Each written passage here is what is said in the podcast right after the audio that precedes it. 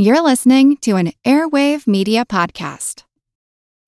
When you need mealtime inspiration, it's worth shopping Kroger, where you'll find over 30,000 mouthwatering choices that excite your inner foodie. And no matter what tasty choice you make, you'll enjoy our everyday low prices, plus extra ways to save, like digital coupons worth over $600 each week. You can also save up to $1 off per gallon at the pump with fuel points. More savings and more inspiring flavors make shopping Kroger worth it every time. Kroger, fresh for everyone. Fuel restrictions apply.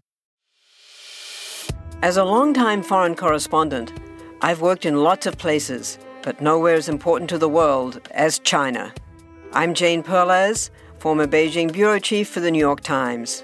Join me on my new podcast, Face Off US versus China, where I'll take you behind the scenes in the tumultuous US China relationship. Find Face Off wherever you get your podcasts. This is Kick Ass News. I'm Ben Mathis. Folks, when's the last time you checked your credit scores? Because your scores may change more often than you think, and you should know what they are now and not from a year ago. You know what they say information is power, and Credit Karma is here to help out. The best thing? Credit Karma is always free and there's no catch, no credit card needed. Go to creditkarma.com or download the Credit Karma app now. Again, that's creditkarma.com or download the app. And now, enjoy the podcast. Hi, I'm Ben Mathis. Welcome to Kick Ass News. 2016 was the election that all the pundits and pollsters got wrong, but one unlikely political prognosticator predicted a Trump victory as early as August 2015. Scott Adams, the creator of the popular Dilbert cartoons, became a regular fixture on the political talk shows, claiming that Donald Trump had as much as a 98% chance of winning the election because Trump is what he calls a master persuader. Adams ought to know, in addition to penning his popular Dilbert cartoons every week and several best selling books, Scott Adams says he's a trained hypnotist, skilled in the same art of persuasion employed by President Trump. And in his new book titled Win Bigly Persuasion in a World Where Facts Don't Matter, Scott breaks down exactly how Donald Trump pulled off an unconventional victory and how anyone can employ the exact same persuasion tools to get what they want in any situation or setting. Today, Scott will reveal why Donald Trump makes what he claims are intentional errors and misstatements, why facts and ideology no longer matter, and how Trump uses what he calls linguistic kill shots to flatten his opponents. He'll also weigh in on why Trump's persuasion skills haven't been very effective on Congress, and whether or not Trump supporters should be insulted that they're being manipulated by their president. Plus, how to hypnotize anyone how Scott's endorsement of Donald Trump has affected his Dilbert readership, and he makes an early prediction for 2020. Coming up with the creator of Dilbert, Scott Adams, in just a moment.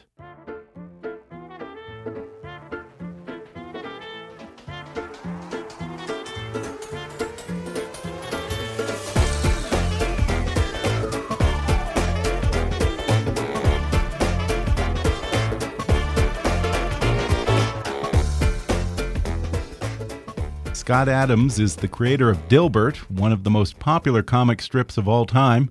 His many bestsellers include The Dilbert Principle, Dogbert's Top Secret Management Handbook, and How to Fail at Almost Everything and Still Win Big. Now he's getting political with his latest book called Win Bigly Persuasion in a World Where Facts Don't Matter. Scott, thanks for coming on the podcast. Thank you for having me. Well, you've been drawing Dilbert cartoons for, I guess, over two decades now. How many papers would you say run Dilbert these days? Well, uh, I'm sad to say it's closer to three decades now. oh, is it really? Yeah. Wow. I hate to admit that. We're in about 2,000 newspapers worldwide wow. lots of different languages. Wow.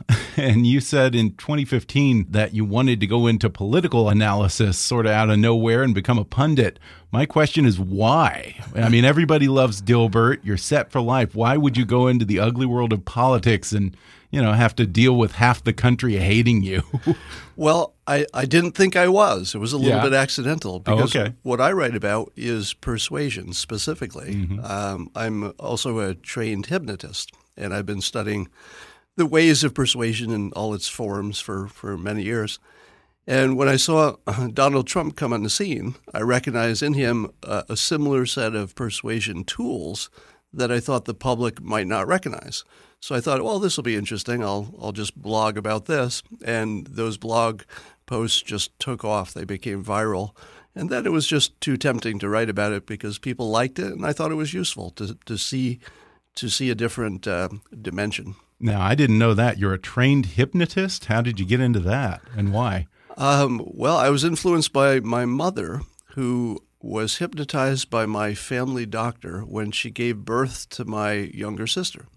And my mother reports, and I can't verify the truth of any of this, but this was her story, that she was uh, under hypnosis when she gave birth and felt no pain, yet was awake and aware of huh. the entire process. Now, this is not something you could do with most people, but about one in five people can be hypnotized to experience what they call the phenomenon, which is, you know, the the ability to not feel pain or to see something that's not there, that sort of thing. Yeah, the thing that I've always heard was no one really hypnotizes you to do anything that you don't want to do. This idea that you can force people to, I don't know, chirp like a bird or yeah. run around like a monkey or something. They have to, at some level, be a willing participant. It's something that they want to do, even if it's subconsciously, right? Yeah, it's a little bit like um, taking a driving lesson mm -hmm. and, you know, the instructor's in the other seat. And the, if the instructor said, now drive off the bridge well, you probably wouldn't do it. Yeah. Right? Um, so that's similar to hypnosis. You are okay. you are aware of what the hypnotist is telling you, and you can process it the same way you would not under hypnosis. Well, in August 2015, I believe it was, you gave Trump a 98% chance of winning the election long before the media caught wind that anything was happening with the electorate. What did you see that made you so certain about Trump? Well, obviously, you can't win the election without lots of variables working for you. So he had, you know, a lot of things had to happen for it to uh, to go the way it did. But I thought that persuasion and his persuasion skills would be the most predictive of all those variables. And what I saw was someone who had, you know, a full arsenal that was completely invisible to the other side. Because if you don't hmm. study this stuff, you can't tell that he's using it. It just looks random and crazy and provocative, and you just don't know what's going on. You attribute Trump's victory to his prowess as this master persuader, and you talk about how successful people have what you call a talent stack, a set of skills that work particularly well together, congruous with each other. What things are in Trump's talent stack? So, a lot of people don't know that his pastor, when he was a kid, uh, his church was led by uh, Norman Vincent Peale, who was famous also as the uh, the author of The Power of Positive Thinking. It was a hugely mm-hmm. influential book in its time, yeah. and it told people how to essentially think their way into a better situation. And you see that level of optimism in a lot of what the president does. So, for example, when he talks about the economy, instead of doing what a normal politician would do and say, "Hey, we got three percent GDP, that's pretty good," he'll say, "We got three three percent, but I, it could have been four, except for the hurricane. I think it's going to be four. so you can see him actually bringing our minds to the new place. And in that case, since the economy is based on psychology, people invest today based on how they think it's going to be next year. They hear that kind of talk and then they invest, and he actually creates the economy by talking about where it's going to go, literally. Huh. And so that's just one element, right? But he's also, uh, his father was a successful business person, so we assume he learned some of those negotiating skills. He wrote a book on negotiating, so we know he knows that level of persuasion. We observe that he's good at sales, marketing, branding, and even design. You know, everything from the hats to his yeah. buildings are all parts of design. And every bit of that is a persuasion element. Um, and then you look at his sense of humor, which is also part of good persuasion. His ability to speak in public, his his uh, his complete immunity from uh, shame, shall we say, uh, allows him to attract attention to himself in a way that um, civilians just can't do. They they just wouldn't be able to go there. So he has not just a bunch of things that he has presumably learned or picked up over the years, but his uh, his personality gives him that extra level that makes him a master persuader instead of what I would call myself more of a commercial grade persuader, some, someone who uses it in his work. I use it to write but uh, I couldn't take the types of risks he takes. And, and, when I say risks, I mean with his own with his own reputation. Yeah. Now, before we get into these particular areas of persuasion, I, am curious: Do you have any particular political affiliation? Uh, uh, I don't vote, and, okay. and, part of that is my uh, my understanding of persuasion because as soon as you vote, you take a side, and then you can no longer see the other side. You just mm -hmm. become blind to it, mm. and that's a pretty well known phenomenon. But beyond that, um, I, I define myself as uh, left of Bernie. You know, I'm, okay. I'm ultra liberal, but I prefer plans that have a chance of working, which is okay. where I have some distinction between Bernie's plans and and my preferences. Uh, so I, I, don't line okay. up with um, the Republican um, policies, except by a few coincidences. Um, so I, I, feel I can be a little bit more objective okay. that way. When you started supporting Trump, how did Dilbert fans react? Well, as soon as you wade into this other area, you get um, first the bunch of people who say, um, stick with your day job. You know, don't don't change fields. You're just embarrassing yourself. you, I, and I've gotten that every time I've changed fields, so I'm kind of used to that one. Um, but then people assume that even though you're writing about his his talent as a persuader, and by the way, when when Hillary Clinton did good things in that field, I pointed them out, uh, you know, mm-hmm. With equal enthusiasm. But since he was so much better at this this narrow area of persuasion, it was hard not to to gush about it. You mentioned Hillary there. Throughout the course of the campaign, you endorsed Hillary and then Trump, I think, or, or Trump, then Hillary, then Gary Johnson, and back to Trump. Explain the thought process there. Was that just entirely who was most persuasive at the moment there, or what? No, some of that was tactical and, okay. and for my safety. So I started for out safety. yeah, I started out endorsing no one because that felt you know the most honest. But it became clear that um, I, I, was in physical danger because people were really? associating me with with Trump, and they were calling him Hitler, and they really mm-hmm. meant it this time. You know, it's not like other times; they really meant it. Yeah, it and seems the, like it. And they were calling me Joseph Goebbels, his his PR person. now, here's the thing: if you're saying somebody's Hitler in sort of a you know exaggerated way, that doesn't mean much. But if people are actually actually starting to think that this is a real live Hitler who could take us in that direction, you have moral authority to kill that person, to mm-hmm. actually kill them, mm. and that would have included me because they okay. perceived that I was somehow, uh, you know, a, a positive influence for for that direction. And so I thought, well, I'll fix that. I'll use persuasion. I'll use my talent for persuasion to fix it. And so I told the world, you know, through social media that I was going to endorse Hillary Clinton for my safety. And I always appended for my safety. Yeah. Now the Trump supporters just laughed because they, they were sort of in on the joke. Okay. And was it a joke? Well, it, it was, was, it was there was a little bit of a, a it was meant to be sarcasm. funny, but also okay. functional. Yeah. And and Clinton supporters immediately backed off because uh-huh. they said, "Well, we don't care why you're on the team. you know, yeah. We'll, we'll, go bother someone else." so that worked well for okay. a number of months. And where I changed was uh, the bullying uh, got really bad. But also, when Clinton said uh, she wanted to uh, increase the, the death tax or the estate tax, depending which party you're in, you can call it either one. Um, I realized that for the rest of my life, I would be taxed as 75 cents for every dollar, about half of it when I mm-hmm. make it, and you know if you count state taxes as well.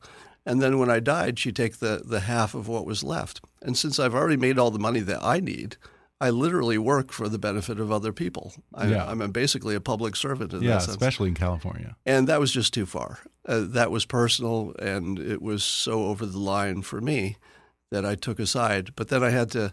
I, I quickly uh, retreated when the the Access Hollywood tape broke. Yeah. And for a while, Trump was so toxic, you, you didn't want to be in the same zip code with him. Yeah. And, and so I backed off. Uh, and I I uh, I, I endorsed uh, Gary Johnson under the theory that uh, Gary Johnson was a safer candidate because he only touches himself. So that that felt a lot safer. Um, but that, of course, wasn't a serious, a serious uh, endorsement. And then toward the end, the bullying got so bad. I mean, the the threats, the bullying. Uh, there's just something that snapped in my head. Mm-hmm. And if you're listening, I know you're rolling your eyes. You're saying, "No, the the Trump supporters were the bullies," but screw you. I was personally being bullied, okay. and I was looking to solve my problem. I completely acknowledge other people had other problems. I'm not I'm not dim- minimizing them at all. I'm telling you my story. I was I was being bullied online in ways you can't even believe. It was you know everything from my height to my baldness to you know my sexual prowess. You name it. They they went after everything and they went hard. And finally, just something flipped in my brain, and I just said, "Screw these people. This is the party of hate." Uh, in fact, I call them that now. The the Democratic Party. The I, I've labeled them the party of hate or POH, because all I see these days is, is literally hate. And so I I uh, did a full throated endorsement of Trump, primarily because the bullies just just flipped my switch in my head, and I couldn't flip it back. So their tactics turned on him. Um, one thing that I found interesting about this is you say that political affiliation had little to do with Trump's victory. Trump would have won the election even if he'd run as a Democrat, you say. Are we to take that to mean that political ideology doesn't really matter anymore? Well, facts don't matter to our decisions. we just think they do. Yeah. Um, now, they certainly matter to the outcomes. If you walk in front of a truck and the truck hits you, that's a fact, and you're, you wish that hadn't happened. But um, what a hypnotist learns is that the world is upside down from the way normal people see it. Normal people say, well, we're a rational species, and 90% of the time we use facts and logic. Okay, 10% of the time we get a little crazy, but 90% of the time we're pretty rational. The hypnotist reverses that. And in fact, you can't even do hypnosis unless you understand this first that we are fundamentally an irrational species who doesn't know it. And we rationalize after the fact. Now, I learned this decades ago when there wasn't much in the way of scientific backing. Today, uh, there are lots of popular books that support that quite clearly. Uh, I'm reading Nudge right now. Uh, if you've read the books by uh, Robert Cialdini, Influence and Pre-Suasion, there's just plenty of uh, plenty of science now that says we don't use reason to make decisions, except for the the minor stuff that has no emotional impact. So, uh, so that so that uh, filter I see everywhere. I see us not using facts. For example, uh, the fact that no matter who is running for office, the vote is going to be about 50 50 for president anyway. Right. Uh, we're all looking at the same facts. And, and it's not like some of us are jerks, and, and that's what explains it all. Well, of course, some people are jerks, but that's not what explains it. People are just going to vote their team, and they're going to rationalize it later as all the reasons they had. Now, you say that you recognized certain hypnotist techniques that Trump was using. What types of techniques was he using to hypnotize the audience? Well, uh, hypnosis is sort of a one corner of persuasion, which is a bigger field. So in Trump's case, he wasn't hypnotizing so much Okay. as persuading. Um, and some of the, the techniques that uh, are most obvious is he would often talk in a visual way. Okay. And, and visual persuasion is one of the most powerful persuasions. So, for example, instead of saying, I'd like to have better border control, we'll use a variety of techniques depending on the terrain. And then you fall asleep listening to that and you don't remember it tomorrow. Instead, he says, no, it's going to be a wall, a big, beautiful wall. Yeah. He, he allows you to Yeah, imagine the the wall in your head. Uh-huh. But then here's the best part, and this is also technique. He says, I'm going to make Mexico pay for it. Now, forget about how impractical that is. He's making you think past the sale. This is classic persuasion Oh, technique. interesting. So while you're thinking about whether or not Mexico would pay for the sale, you have somehow uncritically accepted the notion that, yeah, there could be a wall there. Mm-hmm. So he's moving you in that direction with visual persuasion as well as thinking past the sale. And he does that consistently. Hmm. And then, then you also see his technique with his nicknames. They're they're not random at all. They're they're deeply engineered. You call those linguistic kill shots, right? Right. So low energy Jeb. First, he picks a type of label that you don't see in politics. That Yeah. that immediately gets your attention because the mind is drawn to anything out of place. Uh, then he's framed him as low energy. He's taken uh, Jeb's strength, which is he's this cool, collected, experienced executive, exactly the kind of guy you want if there's a crisis. But the moment he contrasted it to his own high energy campaign, you could never see Jeb any other way but low energy. And the other thing he builds into his nicknames is uh, they're magnets for confirmation bias. In other words, every huh. time you see him, you're again reminded because you think of Trump okay. at the big rallies, then you see Jeb just sort of talking. a little bit of a reflection of the perception that people already have about that person. Yeah, yeah. You start okay. with what they already might, might be thinking, mm -hmm. right? Mm-hmm. So Lyin' Ted, Crooked Hillary. Yeah. You knew that there would be stories coming out because it was a campaign that would suggest that they actually had done crooked mm -hmm. things and had actually lied. Now, independent of whether any of those things is true, you know that people are going to be thinking, ah, there's another story about crooked Hillary. So, uh, so, and also, none of his nicknames can be reversed into the positive. There's no such okay. thing. Yeah. Low energy. There's no way that's good. Crooked, lyin'. There's no way this yeah. is good. But dangerous and Cheeto and Jesus, they all have a positive. Yeah, no one can use that to contrast themselves with Trump. Huh? Right.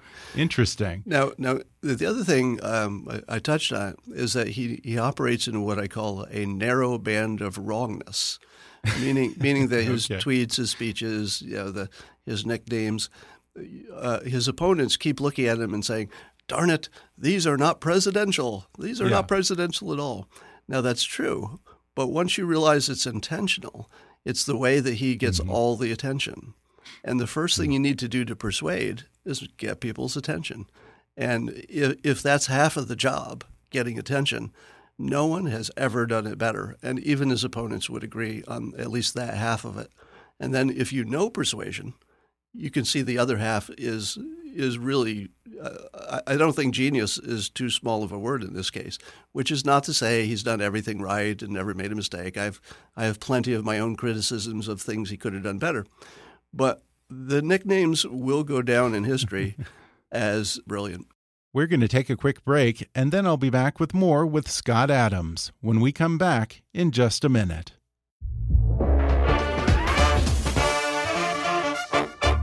If you're an entrepreneur, a small business owner, or even if you have a side gig, let me introduce you to Grasshopper, the entrepreneur's phone system.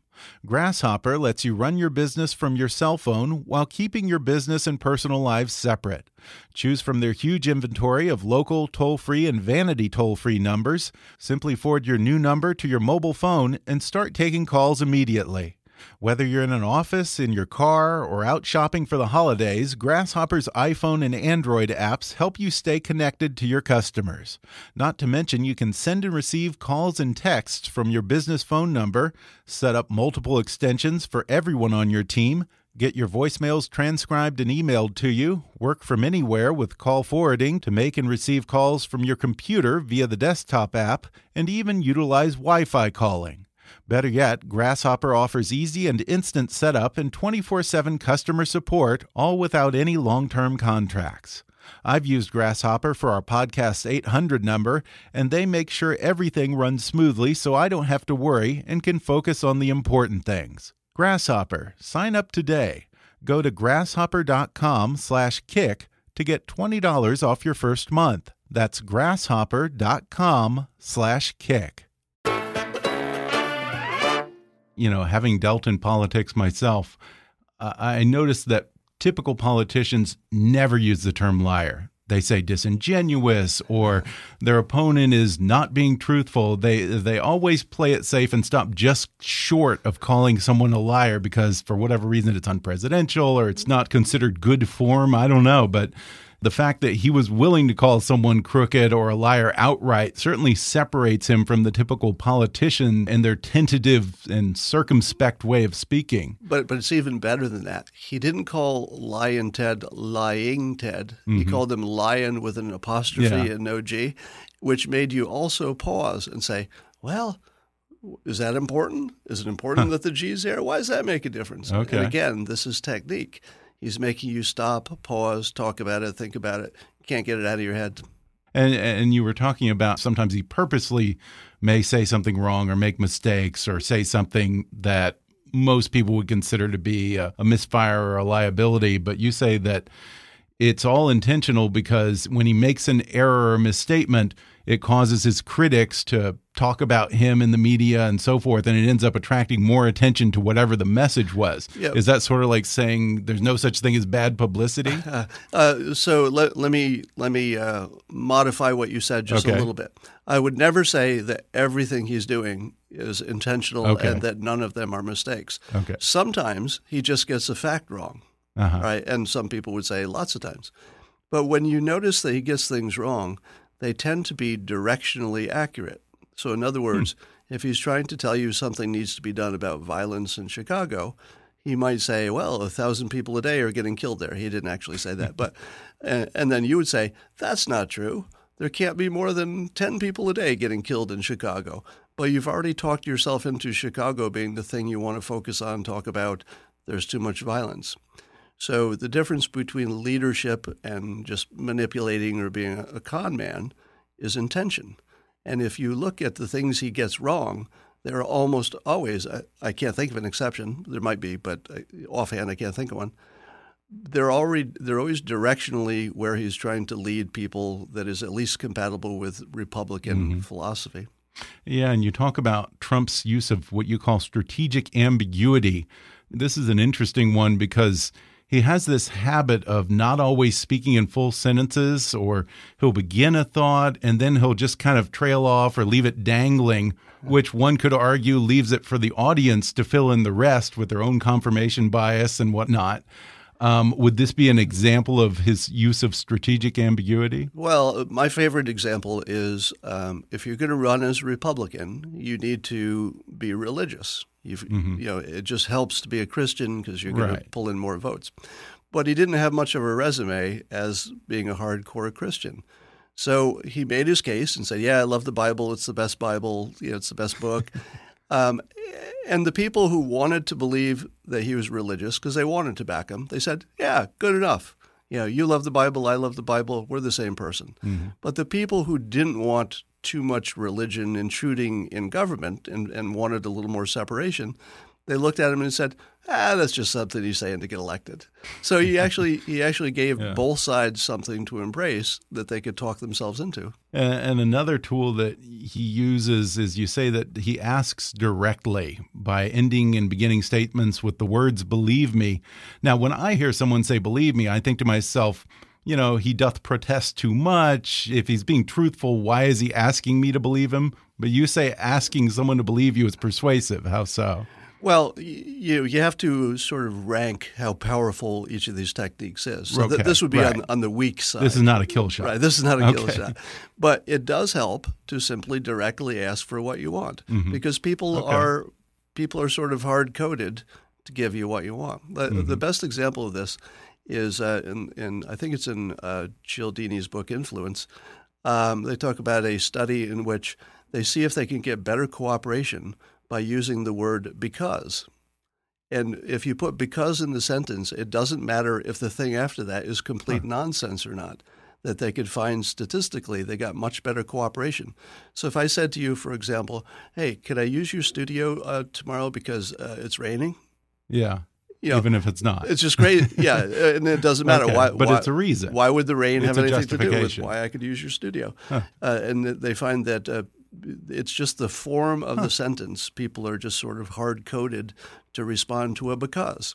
Now, with with a direct response, a, re- direct request, in which you don't have much resistance to, he makes a statement. Let's say it's not something that you have any strong disagreement with, and he just says, um, "It's true. It's true." He often says it twice. He'll, he'll say, "I'm going to make this the best country." Right. It's true. It's true. Yeah, yeah, yeah, he does that. Well, let's talk about probably the most iconic thing of his whole campaign the red trucker hats that say, Make America Great Again. They were all over the place. What made that hat and that so persuasive? Well, compare it. It helps to compare it to the alternatives. Mm-hmm. Uh, one of the slogans, I think there were 85 slogans that the Clinton campaign cycled through before they, they found one that wasn't good. and they really never got a good one. But one of their worst was, I'm with her. Oh, right, right. Which- which that. literally that lasted a while. Well, that suggests that the election was about her as mm-hmm. opposed to the voters. Yeah. People are selfish by nature. All right. But it also suggested that it was about her gender, which mm-hmm. is not only counter to her own brand, but offensive to half of the country. Mm-hmm. You know why? Why? Why is the her part important? Right. We're supposed to be a merit based country. She she had uh, also made the most yeah. the biggest um, one of the biggest, maybe the biggest um, persuasion mistake you can make, which is um, selling past the close. All right. so in, okay, in, in a store, if if somebody talks you into buying something, you say, "Yeah, let's let's take this to the cash Uh-huh. register," and then the salesperson is walking to the cash register and says, "You know, you'll be really happy with this. It's it's one of the top two products in the world." And you say, Okay. "Wait a minute, what's the other one?" Right. so he needed to shut up once he had made the sale. Uh-huh. Hillary had already sold the world that it was uh, time was for a woman. inevitable. Yeah. there was going to be a woman Right, president. right. I literally never heard one person say that that was a plus or a minus. The Mm-hmm. world was just ready. And then she kept selling and she sold past the close. Now, compare that to Make America Great Again. Every word in that phrase is power. Make, manufacture, do, action, make. It's a great word. It's a solid word. Even the letters in it, make. You know, it just Yeah. it just sounds good. Uh, great. What's wrong with great? Nothing. It's great. America. It's the best word you could possibly have in your slogan. and then again, gave people reason to argue about it, but it also caused them to focus on it. Um, but it also has kind of a percussion to it. If you just Yeah. if you just listen to "I'm with her," Uh-huh. it's almost like a, a whisper or a wind yeah, in the it's trees. not crisp. Now, now listen to the drum beat of "Make America Great Again." Make America Great Again. It's almost it's almost percussion. hmm And and the the choice of color, red, that's a powerful color. Yeah, red red's the boss of all colors. Yeah. I like to call it. It's the it's the action. It's the importance. It's the look at me. It's it's everything. Now it helped that that's a Republican color, Right. but trust me, if the Republican color had been baby blue, Mm-hmm. he would not have put it on a hat. And certainly not pink, I'm sure. yeah, he's, yeah the yeah the the pink uh, so-called pussy hats were were just not a- step in the right direction. Yeah. Now, do you think Trump was aware that he was doing these things in the moment? Is it part of a pre-planned strategy, or or, or is it just innately how he operates? Uh, I believe he actually got a trademark on "Make America Great Again" Right. several years ago. Right. That's true. I So- that. Uh, everything about what I've seen suggests technique, minus you know a few offhand comments that maybe he probably wishes he could take back. But if you consider how much he talked in public, there were not many things that were off persuasion perfection. Mm-hmm. In Win Bigly, you talk about those Trump voters who were particularly susceptible to persuasion, uh, referring to them as moist robots and programmable entities. Shouldn't they be insulted by that? No, I, uh, I, am sure I didn't refer to specifically his Okay. his supporters. Uh, I talk about people Okay. as being moist robots and programmable. Okay. But in the context of a race, since, as I said before, people are going to line up with their team no matter what, it's going to be sort of a 50 50. Uh, what he had was 18 months or so to convince perhaps 2% of the public who was persuadable. The, the people who just didn't have a big emotional connection to either side for, for that race. Uh, when, and when you have that much time and you have that much talent, moving 2% is as close as you can get to a guarantee unless there's some external Yeah. shock that that is unexpected.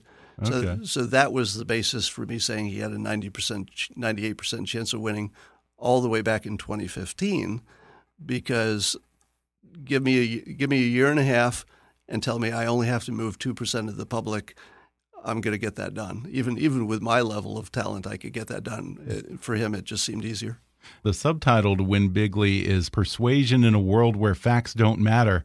Some might say that's a pretty cynical view of things. Uh, shouldn't facts matter? Well, they, they certainly matter to the the outcome. all right? Okay. So everybody cares about facts when when it comes to the result, but we just don't use those facts for decisions. Um, I, I like I like to use the uh, the OJ trial as a universal reference for those uh, who were around to watch that.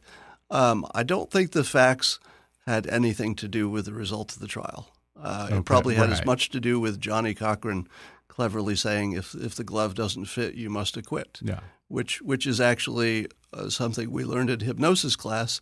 The things that rhyme register as more true than things that don't. Huh. Completely irrational, but it's true. Really? Yeah. Interesting.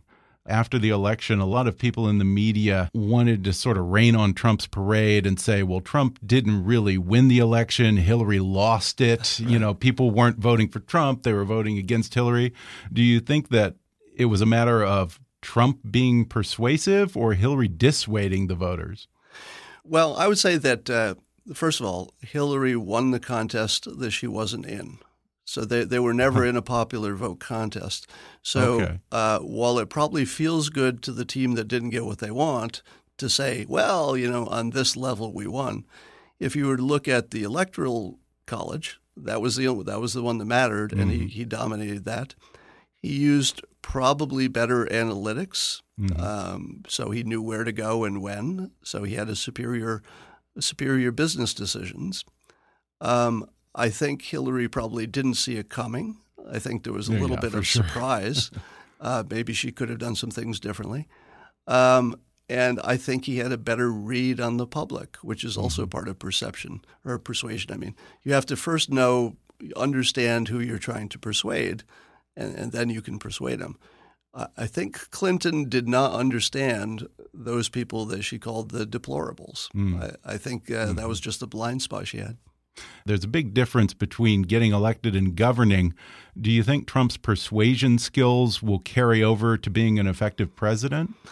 I think we can answer that question already. Oh, yeah? Um, yeah, I, I give uh, I give the prior administration at least 70%, 75% of the credit for the strong economy. I think okay. Obama did a great job uh, even though the people listening to this, half of them are, are swearing at me right now.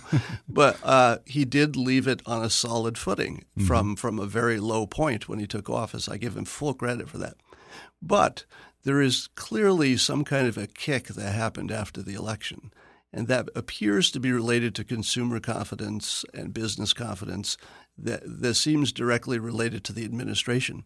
Now, of course, they're looking at things like, well, I think he's going to do something with taxes, and that's good. But I think those are those are maybe rationalizations. There's simply an optimism that he brings to it that is infectious. If you're talking about the Supreme Court, then it's very successful because the Republicans got who they wanted.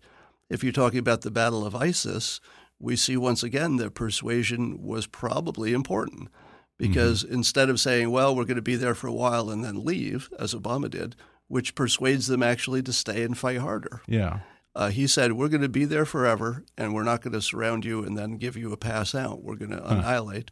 And now, for the first time, we're seeing not only lots of progress, and that, that of course, is persuasive as well, but we're seeing surrenders. Mm-hmm. Um, and we're, we're seeing great progress there. And I think – that the the way he persuaded the the military to take their own you know take their own decisions in the field, I think that gives them an entirely different feeling about the fight.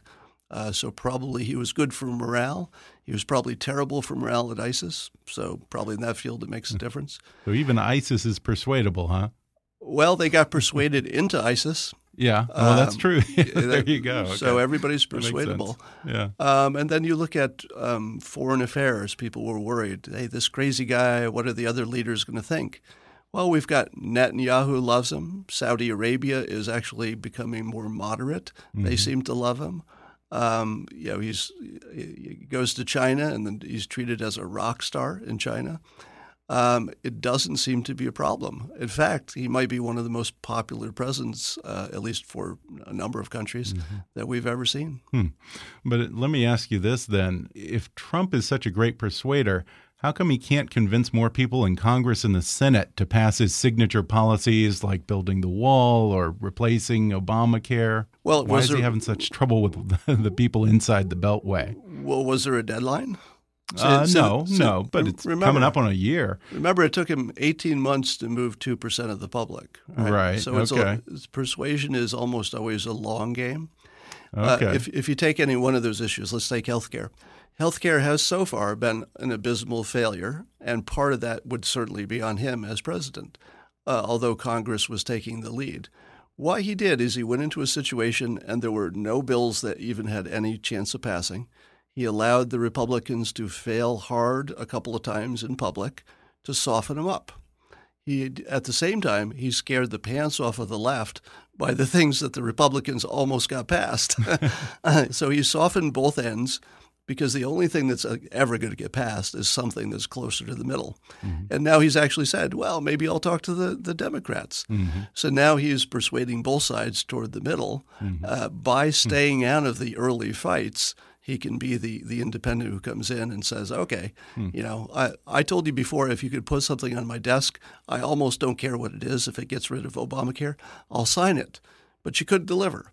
Hmm. I would expect that by summer you're going to see something that has a lot more of his fingerprint on it. That will be the first time he's seriously persuading because hmm. he has he, he he stood he stood away from the fight on health care. So you can't say his persuasion didn't work you can certainly say he didn't use it. Uh, you predicted a Trump win once. What odds do you give him at reelection in 2020? I'm not entirely sure he would run. Oh, if, really? Yeah.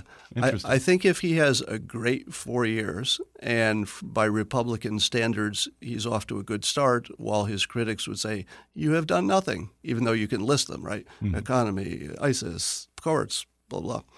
Um, I think it'll probably come down to healthcare and North Korea. And we're seeing some movement in North Korea because for the first time, the head of North Korea is probably waking up and saying to himself, I don't know if I'll be alive a month from now. Huh. I don't think they've ever thought that before. Yeah. And this is all part of the persuasion game. He is he has scared them while while also being completely reasonable and dealing with China and and, and all those things. Mm-hmm. So uh, he's put real doubt in their minds for the first time. And I think that's going to make a difference. And he's friendlier with China than we've ever seen, well, I guess ever. You might have the best relationship with China, maybe of all time. We'll, we'll see how this shakes out. Um, so if he gets something going on those two things, he has an option of going out on top. And once you consider age, and I think that matters. Hmm. Like I, I thought both candidates, Clinton and Trump, were too old. Frankly, yeah. I, I, I, was not in favor of either one of them for that reason alone. But a second term would be pushing it. Okay. Just just in terms of age. Okay. Do you have odds in your mind on uh, whether he would run? Um, I think if his first four years are great, um, there's a seventy percent chance he won't run. Interesting. If he can go out on top, then he'll probably yeah. go golf and have fun and enjoy himself the rest of his life. Being an ex okay. being an ex president who mm. who made his family name and his company proud. Yeah. Would be quite a good way to, to go out. Now, if he hasn't accomplished that much in the first term, you think that that might motivate him more to want to do a second term just to go out on a high note? I think so. I think mm -hmm. I think his natural wow. competitive nature is if there's something in particular that he thought he could do and it's not done yet, huh. I, I, think he'd be like a, a pit bull. I, I don't think he could let go. Well, let me persuade you to check out Scott Adams' book. It's called Win Bigly Persuasion in a World Where Facts Don't Matter. Scott, thanks for talking with me. Thanks so much. It's a pleasure. Thanks again to Scott Adams for coming on the podcast. Order his book, Win Bigly Persuasion in a World Where Facts Don't Matter, on Amazon, or download the audiobook on Audible visit Scott's website at blog.dilbert.com and follow him on Twitter at, at ScottAdamsSays. Today's episode was sponsored by Credible.com. Credible.com is an online marketplace for student loan refinancing. Using Credible.com's simple platform, it takes less than two minutes to find out if you're overpaying on your student loans. You could save thousands by refinancing. All you have to do is visit credible.com slash kick, answer a few questions, and right away you'll get real rates, not ranges of rates, from multiple lenders.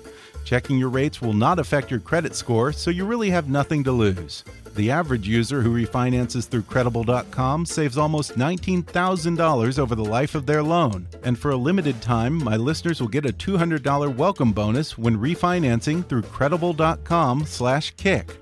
That's credible.com slash kick.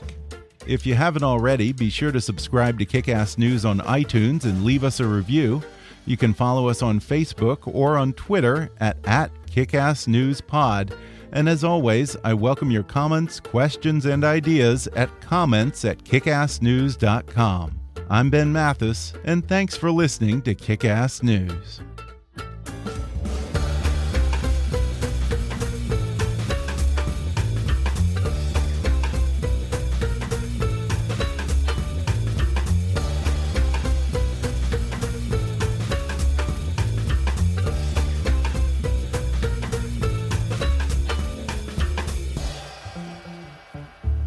Kickass News is a trademark of Mathis Entertainment, Inc.